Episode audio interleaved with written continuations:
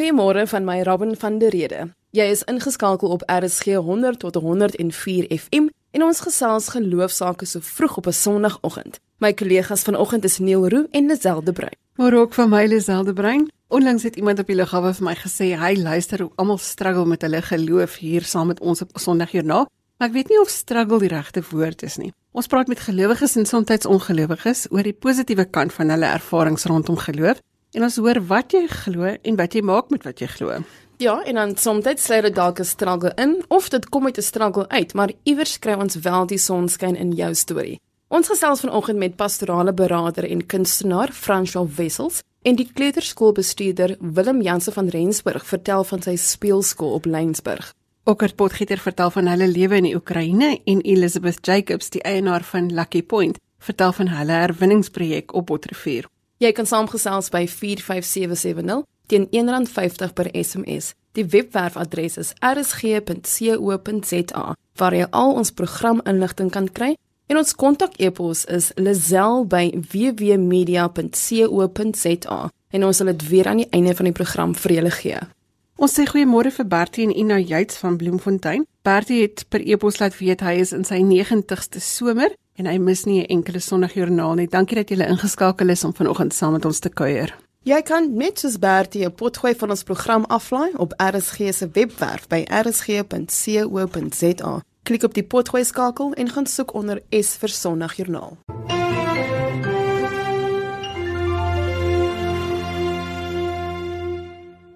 In 'n klein huisie in Lyngsburg is Willem se speelplek. Dis 'n plek waar die kinders verseker is dat iemand vir hulle omgee en dat iemand belangstel. Willem Jansen van Rensburg bedryf sy eie kleuterskool en nasorgsentrum in vennootskap met die diensgroep Diakona van die Wes-Kaapland. Goeiemôre Willem. Goeiemôre. Hoe het dit gekom dat jy jou eie kleuterskool in Lyngsburg geopen het? Ek is koster by die VG Kerk en Diakonia het gekom en voorstellings kom doen rondom die Smart Start wat hulle in die Weskaap ontplooi en dit het onmiddellik vir my gefassineer die wyse waarop hulle die hele proses benader dat als deur speel gepaard gaan. En dit het onmiddellik vir my oopgegaan dat om met die kinders te kan werk dit die ideale ingangspunt is om hulle met berading ook te help met 'n maklike manier en nie 'n stywe waar jy in 'n kantoor gaan sit en kinders dalk heeltemal toemaak nie. So nou kan jy gemaklik 'n punt bespreek en help oplos in die kind se lewe. Wat is die uitdagings van die kinders wat na jou nasorgsentrum toe kom, Willem? Die grootste uitdaging vir hulle is om 'n veilige area te hê, 'n veilige omgewing, sekuriteit. Ek sou nie sê dit ontbreek altyd in hulle huis nie, maar in die gemeenskap om net veilig te kan voel om hulle self te kan uitdruk en te kan uitleef, want dit is waar die groei kom die verskeidenheid van speelgoed is beperk wat hulle toegang tot het. En dalk net die leiding wat jy kan gee vir die kind in 'n omgewing waar hulle veilig voel dan kan jy hulle so ontwikkel. So voeding speel 'n belangrike rol en dan die toegang tot kwaliteit speelgoed nie dat speelgoed 'n groot invloed wel het nie, maar dit kan help met sekere ontwikkelings by die kind. Ek sou sê vir al die enkelouers, die uitdagings is oorweldigend. Nie dat hulle onbevoegd is nie, maar dit is vir hulle baie moeilik om aan al die aspekte aandag te gee. Baie van die ouers werk en hulle kan nie altyd die kwaliteit aandag vir al die kleintjies gee wat die kind nodig het nie. En dit is waar hierdie speelgroepies wat diakonia ingebring het baie help want jy het daai getuitjie in die kind se lewe waar jy die nodige aandag kan gee wat dalk by die huis ontbreek. So ek dink veral vir die enkelouers, dit is 'n geweldige uitdaging vir hulle. Willem het genoem dat jy koster is by die VGK gemeente. Hoe die nasorgsentrum jou lewe verander? Watter rol speel geloof in jou lewe? O, oh, nee, dit het my hele lewe kom verander. Ek het begin met die nasorg met die wil sê met sekere verwagtinge, sekere idees in God het net gekom en hy het dit heeltemal op sy manier kom bestuur. Die voorsiening, baie keer sou jy dink maar hoekom kom die goed hier aan? Ek het dit nie eens nodig nie en dan volgende week kom jy agter oom, maar die goed het ek nodig. So God hy voorsien en ons weet nie hoekom hy voorsien nie. En aan die kinders se kant, hoe kinders self, hoe hulle gedrag begin verander, hoe hulle groei, dit is als ja, ons amper soos 'n getuienis van hoe God in beheer is in hierdie chaos wat ons sien om ons. Is hy tog 100% in beheer. Hy weet wat sy plan is, hoe hy dit in plek sit en al wat hy soek is mense wat gewillig is om op te staan en net daar te wees. Ons doen nie regtig 'n ongelooflike wonderbaarlike ding. Ons moet net hier wees en God voorsien vir al die ander goedjies. Hy help jou met waar jy self tekort skiet. Sal hy hierdie kinders vir jou uitwys, maar werk aan hierdie gedeelte in jou lewe of hierdie gedrag wat jy hier het, moet jy dalk so verander en dit doen hy weer hierdie kinders terug na jou toe.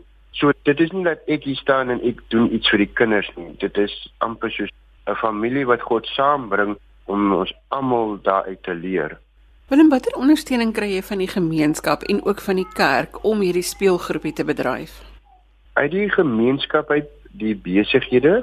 Ons het wel min besighede op die dorp en die las op die besighede is bietjie baie groot, maar hulle is nog meer as bereid om te help so ver as wat hulle kan ons is mos maar 'n klein gemeenskapie, so ons het nie baie groot besighede hier wat gerieflik en skenkings gee nie. Van die gemeente se kant af kry ons baie goeie ondersteuning.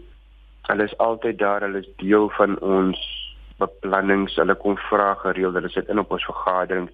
Waarmee kan hulle help? Wat is ons uitdagings waarmee ons sit en hulle sal hulle insette lewer.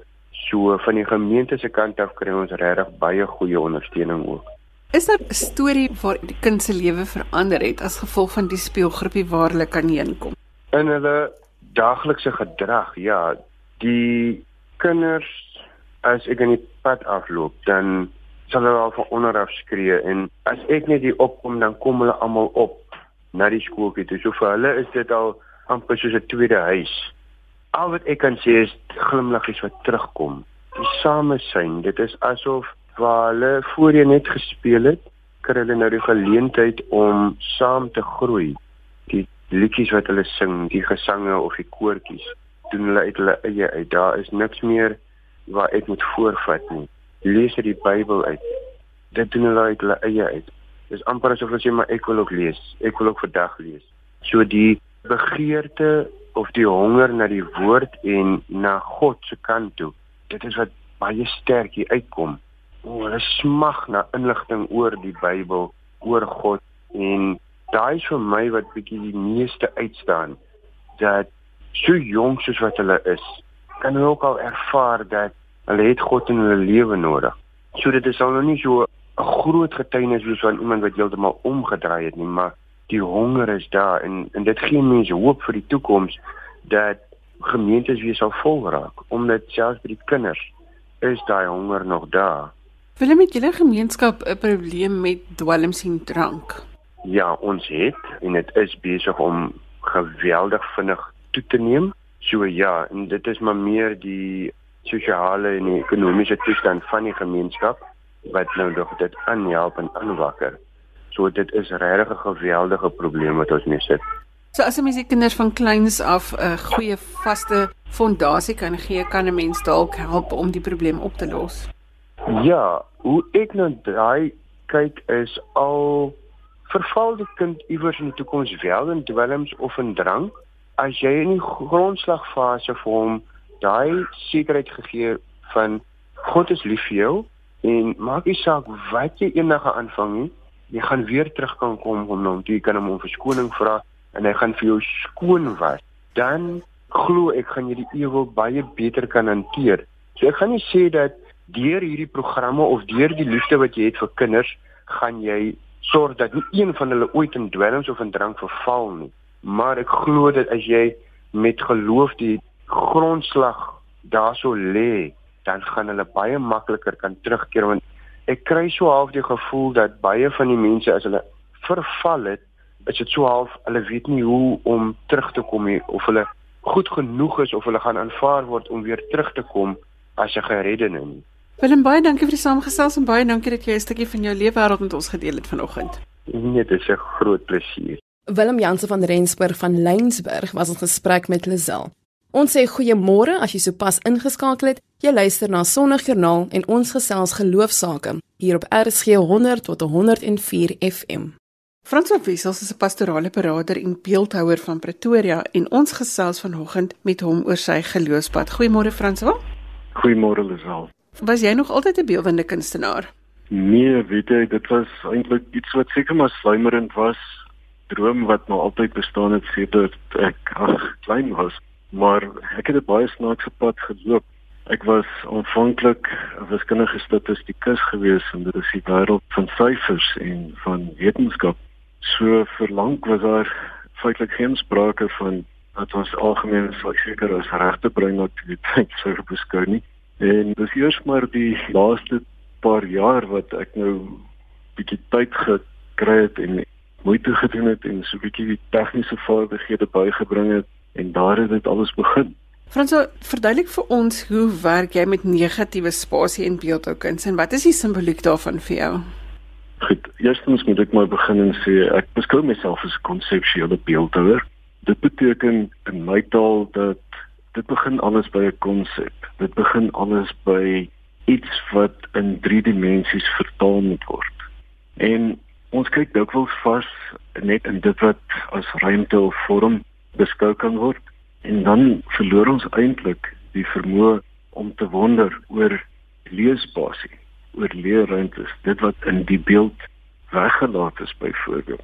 Ek is ook uh, soos jy gesê het 'n pastorale beraader en ek werk narratief nou sedert ek daarmee besig geraak het, het ek begin besef dat die lewe gaan ook nie net oor stories nie, die lewe gaan ook oor die stiltes tussen en dan sê ook selfs musiek gaan oor die stilte tussen die note. En dis dikwels waar jy het nou gepraat van negatiewe ruimte en en negatiewe moontlikheid. Dit gaan alles oor hoe mag dit dalk voltooi word? En is dit nie ook so waar vir ons lewens as ons bietjie spiritueel daaroor sou wonder in ons lewens wat is die moontlikhede wat nog mag wees wat dalk in die oop tussen ons eie lewens voorkom. So dis hoe hierdie spiritualiteit, die mystieke spiritualiteit en die beeldhou verweef is. Dis verweef met my menswees. Ek is eintlik maar net besig om 'n stukkie van myself en van my verwondering oor lewe en oor geloof te verbeel in drie dimensies. Dit is so 'n belangrike ding want ons as mense is altyd so bang vir die stilte of die oop spasie of die negatiewe spasies soos wat ons dit noem en dit is nie nodig nie want daar is iets wat dit vul al is daar nie 'n prentjie wat jy kan sien nie. Jy het nou ook verwys na die feit dat jy 'n wiskundige was of is, ja. maar wiskunde speel 'n baie groot rol in kuns en eh, daar was nou 'n bietjie verandering in jou lewe. Ek wil nou ook by jou hoor, hoe het geloof oor tyd vir jou verander? Dit ja, dit het seker maar parallelle baie geloop. As ek so dink oor geloof en ek dink oor die sekerhede wat ons in wiskunde en die tipe van wetenskappe probeer vestig. En waar jy eintlik in geloof maar net verwonder kan staan.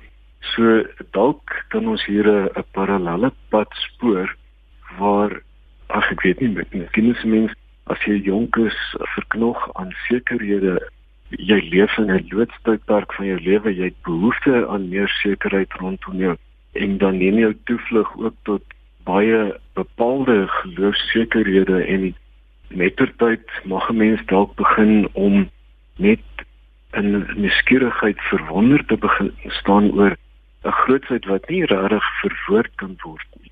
En dit is heel waarskynlik wat gebeur het ook as mens nou my loopbaan so naspeur dat daar was eers die wiskundige wetenskappe en waar jy modelle bou van realiteite en jy probeer dit ook gebruik om toekomsbeplanning te doen en dan is daar altyd in elke model wat jy bou is daar 'n 'n foutkomponent.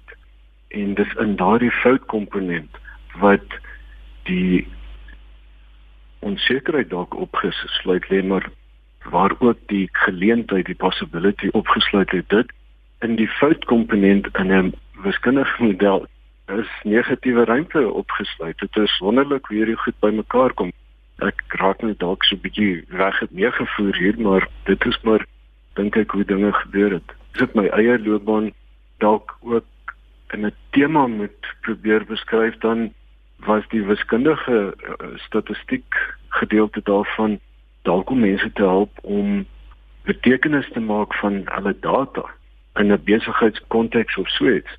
En dalk het ek net op dieselfde manier verder gegaan in die pastorale berading om mense te help om betekenis te maak van hulle lewens. Want my PhD onderwerp was dan nou ook gewees hoe maak mense sin van lewe? En dalk is ek nou besig om in kuns maar voort te gaan hiermee en seker te begin vra vra begin verwonderd wees oor wat mag alles beteken. Jy het dit nou baie mooi uiteengesit soos net 'n wiskundige kan Watter rol speel geloof in die beelde wat jy maak? Weet jy, my lewe is verweef. Dit is 'n een eenheid en daar's nie komponente daarin nie. Dit is nie afgeslote kamers waar ek uit die een kamer na die ander gaan nie. Dit is een groot huis en dit is eintlik vir my 'n snaakse vraag op 'n manier want geloof is is lewe. En dit wat in my kuns na vore kom is dit wat in die res van die lewe van my lewe ook maar na vore kom sou ek sou sê. So ek dink wat ek vir wil sê is daar 'n non-dualisme hierin en 'n groot eenheid van spiritualiteit. So dis 'n uitlewing van my spiritualiteit en my geloof. Wat is jou ervaring van mense se uitdagings vandag as jy sê jy is 'n pastorale beraader? Is dit iets wat met sê byvoorbeeld kunsterapie aangespreek kan word? Ek dink ons uitdagings is dinamies. Dit is besig om heeltyd meer kompleks te raak en dalk in die kreatiewe dalk in iets soos kunsterapie of dergelike selfspeelterapie soms kan ons dit regkry om dalk hierdie kompleksiteit meer hanteerbaar te maak maar wat ook baie keer ons probleem is, ek is juist besig om op hierdie stadium te werk aan 'n kursus aan te bied oor verhoudingsterapie waar ons miskien op 'n meer mistieke manier kyk na verhoudings. En dis dit wil ons eie verstaan wat ons in die been skiet. Dit is dit wil ons eie verstaan wat beperkend raak want ons verstaansmodelle wil nie toelaat dat ons ander moontlikhede raak sien nie. En dan is dit in die kuns en kreatiewe aktiwiteite en praktyke wat daar wel moontlikhede hulle self voordoen wat ons nie kon uitdink nie. Ons kognitiewe, ons rasionele is dikwels ironies ons grootste probleem. Frans, ek dink ons het nog 10 minute nodig om oor hierdie onderwerp te gesels. Dit klink vir my ons kom nou net uit by die kruks van die saak. Baie dankie dat jy 'n stukkie van jou lewe wêreld met ons gedeel het vanoggend. Baie dankie Lisel, dit is 'n voorreg en ek sou graag verder hieroor wou gesels. Daar's nog baie om te deel. En so gesels François Wessels oor hoe hy deur sy kuns ook uiting gee aan sy geloof. As jy sopas ingeskakel het, sê ons goeiemôre. Jy luister na Sondagjoernaal saam met Lazel en Robin en Neil is ons produksieregisseur. Gaan maak gerus 'n draai op RSG se webblad by rsg.co.za vir kontakinligting oor ons gaste vandag. Okert Potgieter is 'n regsgeleerde, maar het 23 jaar gelede besluit om sy geloof in die Oekraïne te gaan uitleef. Ons gesels vanoggend met hom oor hierdie pad wat hy gestap het. Goeiemôre Okert. Hallo Lisel. Okert, hoekom hierdie groot skuif Oekraïne toe? Weet jy Lisel, ek glo daar is 'n plan vir elke lewe en 'n spesifieke roeping vir elkeen van ons en my en my jong bruid op daardie stadium se harte so gebrand vir die stikkende mense van Oekraïne die samelewing wat totaal stikkend was na kommunisme op daardie stadium het die deure net oopgegaan en ons kon daarin beweeg en ons glo dit was ons Vader se plan vir ons lewens. Wat het die bewerk doen julle in die Oekraïne? Ons wys die liefde van God vir die hele gemeenskap. So ons het verskillende projekte waarmee ons dit doen. Ons het 'n kerk geplant Ons het 'n dagsorgsentrum vir klein kindertjies wat arm is en wat maar andersins op die straat sou wees. En ons het 'n sentrum vir kindertjies wat in krisis is, met ander woorde hulle ouers kan nie na hulle kyk nie. Ons het ook 'n sentrum vir jong mammas en swanger vrouens en meisies wat dit oorweeg om 'n abortus te doen, dat ons hulle bystaan en ja, net vir hulle wys wat lewe is en hoe kosbaar hulle ou klein babatjies is. Moet ons ook uitreik na die hele gemeenskap wat ons nou in samewerking met die plaaslike burgemeester en stadsraad het ons sulke projekte wat ons vir die gemeenskap wys dat ons omgee en dat ons almal glo in 'n beter toekoms vir die samelewing. So julle is besig om julle geloof daar aan mense deur liefde te bewys. Hoe lyk Oekraïne as dit by geloof kom? Wel, die afgelope 23 jaar het Oekraïne beweeg van ateïsme, kommunisme, mense wat totaal teleurgesteld is en in niks glo nie, oorbeweeg in 'n vashou aan tradisies en gebruike en soek na sin en op hierdie stadium is daar werklik 'n geestelike herlewing in Oekraïne. Mense soek God, hulle soek antwoorde. Daar's natuurlik 'n oorlog ook in Oekraïne met Rusland wat dele van die ooste en suidooste beset het en in daardie dele word alle evangeliese kerke op hierdie stadium totaal verbied en toegemaak as gevolg van die vervolging wat vanuit Rusland kom wat ook teen alle gelowe, jy weet, hulle erken slegs die Russies-Ortodokse Kerk. Maar in die vrydeel van Oekraïne is daar regtig 'n groot uh, herlewing besig om te gebeur. So ons is opgewonde daaroor. Wat is die mense in Oekraïne se uitdagings? Hoe is daai gemeenskap saamgestel? Die gemeenskap in Oekraïne bestaan uit verskillende volke. So daar is Oekraïners, Russe, Bulgare, Roemene, mense van Turkse afkoms. So dis 'n vreeslike diverse samelewing en die uitdaging is om almal saam te laat werk en saam te laat leef baie soos hier in ons eie land. Jy het gepraat van jou jong bruid wat jy 23 jaar terug gegaan het. Wat is haar taak ook wanneer jy daar is?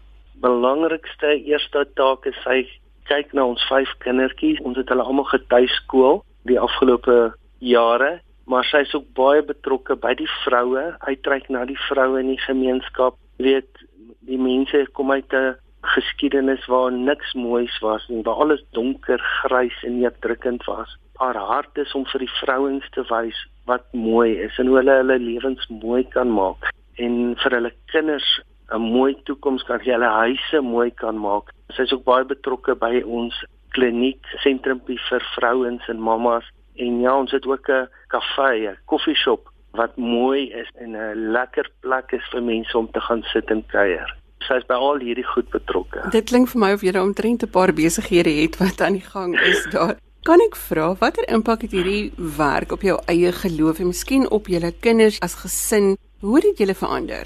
Weet jy Lisel, ons is ook maar deur moeilike tye en moeilike beproewinge deur die jare. Ons is aangehou met wapens, ons is beroof, ons is paar keer amper gedeporteer. Dit is deur moeilike goed, maar wat ons gesien het en geleer het deur die jare is dat die Bybel leer dat maak nie saak wat jy deurgaan nie.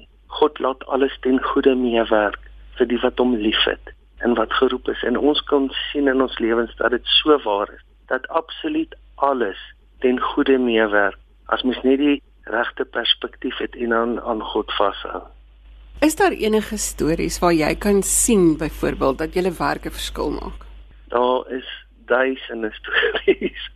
Ek sê enige boek moet skryf, maar vir my op hierdie stadium wat in my hart baie kosbaar is, toe ons gegaan het was mense so van troue, hulle het niemand vertrou nie. Ons is deur die owerhede vervolg en vandag die burgemeester van die dorp beskou ons as sy vriende. En net voor ons Suid-Afrika toe gekom het, het ons vir hom gaan groet en totsiens sê en saam met hom gebid. En hoe hy net ons hande vasgehou het en met trane in sy oë saam met ons gebid het, is vir my so duidelike getuienis hoe die hele gemeenskap besig is om te verander, dat liefde wen en dit is vir my baie kosbaar.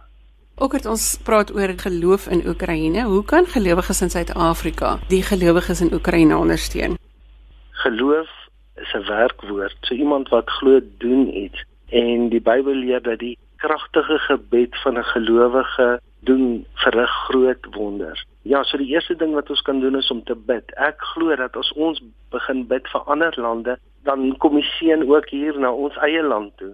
So die eerste ding wat ek vir mense wil vra is om te bid en regtig voor God in te tree vir die mense wat swaar kry. Dit gaan nog steeds baie moeilik in Oekraïne. En die tweede ding is word deel van die uitreik. Daar's soveel mense in Suid-Afrika wat betrokke is by Oekraïne wat hierdie liefde bring vir mense wat in so groot nood is. En so as u enigstens 'n geleentheid om daarbey aan te sluit, doen dit. Dit is 'n groot seën. Dit is ook 'n seën vir die mense van Oekraïne om te sien dat mense van ander lande omgee vir hulle. Hoe het julle as Suid-Afrikaners waar die son baie skyn en waar alles vrolik en kleurvol is, hoe het julle aangepas by 'n grys en donker omgewing? die eerste winter, ons het daar aangekom tussen -25 grade was ons nie voorberei nie. Ons het nog ons ons Suid-Afrikaanse winterskleertjies aangetree en nie geweet dat in Oekraïne het jy spesiale wintersbaadjies, spesiale winterskoene om te kan oorleef nie. Die huisie waar ons ingetrek het, het nie eintlik verhitting gehad nie, het nie water gehad nie, die toilet was buite. So dit was 'n geweldige aanpassing. Maar deur die jare het ons nou al gewoond geraak, slim geraak en ja, deesdae geniet ons die winters ook. Ook baie dankie dat jy 'n stukkie van julle lewe wêreld met ons gedeel het vanoggend. Ag, dit was heerlik. Baie baie seën vir julle ook. Die stem daarvan Okkert Potgieter van die Oekraïne. Ons gesels geloofsaake tot kort voor 8uur wanneer ons oorgie vir die 8uur nuus. Maar om hier af te sluit gesels ons met Elizabeth Jacobs van Potrivier. Ons kan nie genoeg onderstreep hoe belangrik herwinning is nie. Jy kan maar net gaan kyk na die foto's en die video's van al die plastiek in die see om te weet ons is in die moeilikheid. Goeiemôre Elizabeth. Goeiemôre. Hoe lyk julle herwinningsbesigheid? Op die oomblik baie voorspoedig. Dit gaan baie goed met hierdie herwinningsprojek van ons. 10 jaar gelede om begin en hy groei geweldig in ons plek. Ek is net so dankbaar bly dat ek kan deel wees van hierdie ding. Want vir my is dit veel meer as net 'n gemeenskapsprojek vir my persoonlik. Elizabeth, so wat presies doen julle? Verduidelik vir ons. Goed. Wat ons doen, ons herwin plastiek alle vorms van plastiek, bottels, plastiese sakke, ons herwin koerante, tydskrifte, karton, glasbottels. Dis al wat ons herwin en dan het ons ook hierdie projek waar ons ecobricks maak. Hulle noem hom 'n ecobrick. Enige plastiek sak wat jy nie kan herwin nie, kan recycle nie. Hy word in hierdie 2 liter plastiek bottel gedruk totdat hy hom styf vol geprop het. En sit dit op op en ons beoog om te gebruik soos 'n bousteentjie. Waar kry julle al hierdie plastiek? Uit ons gemeenskap uit. Ons het mos baie klein winkeltjies in ons dorp en die meeste karton kom van ons klein winkeltjies af. Dan het ons ons mense wat ons dorp te baie skoon dorpie kan ek u beloof, jy sal 'n glasbottel of 'n plastiekbottel sien rond lê nie. Almal herwin. Dan het ons ook 'n paar mense wat kom van buite dorpies af maar omdat ons nog nie buite dorpe weer gekom het met hulle eie vervoer en hulle recycle ook want ons recycle is nie 'n geld storie nie. Dit is 'n punte projek 'n recycle vir punte. Verduidelik vir ons hoe werk dit. Okay reg aan die begin was ek wat hierdie projek begin het en 'n Switserse dame vir wie ek eintlik gewerk het sy het nou terugkom en sy sê vir my Elizabeth ek het iets gesien en haar man het sê dit gesien dan waterpier het net so so jy oor jou hoek pas kom van die mense wat nie weet nie En jy aan jou linkerkant kyk as jy hier lê die ou dorpie Bottervier. En sy sê ek het iets gesien in 'n man wat ek graag in hele dorpie wil implementeer, maar ek gaan jou nodig hê om my te help. Jy stel jy belang. En sy sê vir my, ons gaan hierdie ding begin, die projek met kinders. Nou, eh, ek het 'n sonndagskool in Weseret, ons het sonndagskool en ek het in my persoonlike lewe het ek die Here begin vra. Verbreek my grondgebied. Ek het so 15 plus minus 15 kinders in die sonndagskool, hier is nog soveel kinders wie se lewens ek kan touch. En toe hierdie vrou met met praat, haar naam is Margriet Schwendeman, toe sy net met met praat toe, sy sê ons gaan begin met kinders. Ek sê altyd vir mense, dit was vir my die magic word. Want onmiddellik het ek gekonnekt met dit en ons het begin met hierdie projek. Sy is weer terug Switserland toe, want sy weer sy's sy's maande in Suid-Afrika, sy's maande in Switserland en sy los weer met die gedagte dat ek moet kyk wat ek kan doen in ons dorp om hierdie ding te begin. Goed, ek het begin rondgaan en soek maar die oomblik ek aan mense sê wat dit is wat ek wil doen, dan sê hulle, "Oké, okay, ons gaan terugkom by jou toe, maar niemand het ooit teruggekom nie." Die einde van die dag het ek 'n garage begin by 'n huis wat aan my suster behoort het op daai stadium. Ons is nog steeds daar, maar ons het al 'n hele is net 'n huis wat daar staan. Ons het al 'n hele werf oorgeneem met al die containers wat daar staan. In die garage het ek begin. Die stelsel is jy tel jou bottels op of dit nou glasbottels is of plastiekbottels wat whatever dit is wat jy optel. Ek gee vir jou 25 punte vir elke sak wat jy bring. En dan het ek hierdie winkeltjie wat ook so eenkant in die garage ingerig is. Ons het begin met waslappies, tandepasta, seepies en tandeborsels, goedjies wat kinders nodig het en dan so 'n bietjie speelgoed. En jy kan kom uitruil jou bottels vir tandeborsel was lapisiepi wat ewe jy nodig het. Dit is hoe ons begin het met dit. Maar terwyl uh, Margriet Schwendeman dan in Switserland was, het sy begin praat onder haar vriende en haar familie en almal het begin goed aandra na haar toe. Wat hulle op 'n later stadium in 'n container gepak het, op 'n boot gesit het en van Switserland af Kaap toe gebring het. En dit is hoe ons projek nog groter begin word het. In hierdie afgelope 10 jaar het ons plus minus een container per jaar ontvang en ek beloof vir u die wonderlikste goed kom uit daai container skoene klere baadjies jasse rokke potte panne enigiets wat jy aan kan dink. En dis nou alles iets waarvoor jy punte kan verruil sodat jy kan koop dit met jou punte. Hmm. ek kom koop dit met jou punte en ek moet sê die gehalte van dit wat ons in die winkel is, is ons mense is eintlik 'n bietjie bederf en hulle is nou al so gewoond aan quality. Swiss quality. Elizabeth, jy het nou verwys daarna dat jy vir die Here gevra het om jou grondgebied te vergroot. Watter rol speel geloof in julle herwinningstorie? Wow! Hierdie hele ding is geloof. As ek dink dat ek die Here gebid het en weet jy wat ek vir die Here sê? Ek sê Here, ek weet nie hoe nie. Ek weet nie wat nie, maar ek weet dat ek weet U is in staat om iets te kan doen. En die Here kom doen hierdie wonderlike ding in my gemeenskap. Weet jy ons trek volgende jaar at einde Februarie begin Maart in 'n nuwe gebou in. Ons is vir 10 jaar in hierdie garage en op die werf daarvan met die suster waar omtrent vyf containers staan daar al op die werf en ons trek in 'n groter plek in. 10 jaar. Dit is 'n stukkie grond by die munisipaliteit gekry en dit gebou. Wow, is net die Here wat so iets kon doen. Dit is net die Here want ek het hierdie gebed gebid. Margriet Schwendeman het die gedagte gehad dat sy 6 maande in Suid-Afrika, 6 maande in Switserland en sy begin voel sy wil terugploeg in Suid-Afrika omdat sy veel geweldig hier geniet. En dit is net goed dat twee mense so by mekaar kon uitbring om hierdie ding in 'n dorpie soos Bottervuur te kan doen. Mense, dit is net te wonderlik. En op 'n later stadium het my dogter ook opgekom op deel van die projek geword. Want die projek nou groei, toe het ons iemand nodig wat kan bestuur, 'n trokkie of 'n bakkie of iets kan bestuur, want die goed moet mos weggery word. En ons het weggery na 'n recycleplant in Emmaus toe. Hoekom by recycling? Ongelukkig het hulle nou met die riots en goed wat daar was, het dit nou afgebrand, maar daar is nou weer 'n ander plekjie wat oopgemaak het. En my dogter kom op en sy het 'n bestuurslisensie want ek het nie 'n bestuurslisensie nie. So dit kan net die Here wees wat hierdie amazing ding doen vir hierdie gemeenskap van ons. Ek glo so. Elizabeth, dit is so 'n ongelooflike storie. Vertel vir my, watter verandering het dit in die gemeenskap gebring hierdie ding wat julle doen? Weet jy, uit hierdie projek uit het daar gegroei. Weens ons sponsors wat ons uit Switserland het kry, het hierdie projek so geweldig gegroei. Hier by my RDP huisie het hierdie projek op 'n stadium nog so 'n deeltjie aangebou. En nou het ek hier 'n speelkamertjie waar die kinders in die middag kan kom speel. So plus minus 50 na 60 kinders toe, hou ek besig. En dan so in laatmiddag voor hulle huis toe gaan, dan kan ek vir hulle 'n warm maaltyd gee. Ons het nou 'n fakkers weer toe daar en daar het ons ook, ook iemand vir wie daai deeltjie aan huis aangebou is en Lucky Point sponsor daai kos vir 5 dae 'n week.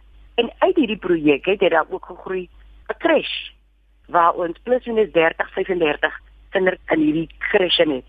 So Lucky Point is vir Bottervuur van geweldig net want dit is nie net dat ons die voorreg het om ons beeld by te dra vir hierdie wêreld wat ons so deurgebring het. Die Here het gesê gaan en heers oor dit en al wat ons gedoen het, ons het verniel. En Bottervuur het die geleentheid om ook deel te kan wees van die herstelling in hierdie saak en dit is vir my amazing. Elizabeth, dit is my amazing storie wat jy vir ons vertel. Dit gaan daaroor dat jy net die eerste plastiek sak sal neem en dat jy sal kan begin herwin. En as jy nie weet waar jy mee goed te neem nie, dan neem jy dit vir Elizabeth en haar dogter in Bottervuur, want hulle maak 'n groot verskil. Elizabeth, baie ja. dankie dat jy jou storie met ons gedeel het vanoggend. Dis voorreg. en baie dankie. En daarmee het ons aan die einde gekom van vanoggend se program. Elisabeth het my geïnspireer om net weer te gaan seker maak dat alles in my kombuis herwin word. So ek het net so 'n klein bietjie werk moet gaan doen na dit. Onthou daar is heelwat programme op RSG wat jou sal geselskap hou hierdie dag en ons wens vir jou 'n heerlike Sondag toe. Van my, Robin van der Rede. Totsiens. Jy kan vir my e-pos met kommentaar of as jy 'n geloostorie met ons wil deel, My e-posadres is lizel@wwmedia.co.za. Ek gaan dit spel, dis L I Z E L E by wwmedia.co.za. En dis lizel met 'n kolletjie. Tot volgende week groet ons namens produksieregisseur Neil Roo. Onthou maak 'n punt daarvan om uit te reik en vandag iemand se lewe makliker te maak. Jy maak seker jy herwin al die plastiek en karton in jou huis die week. Ons groet. Totsiens.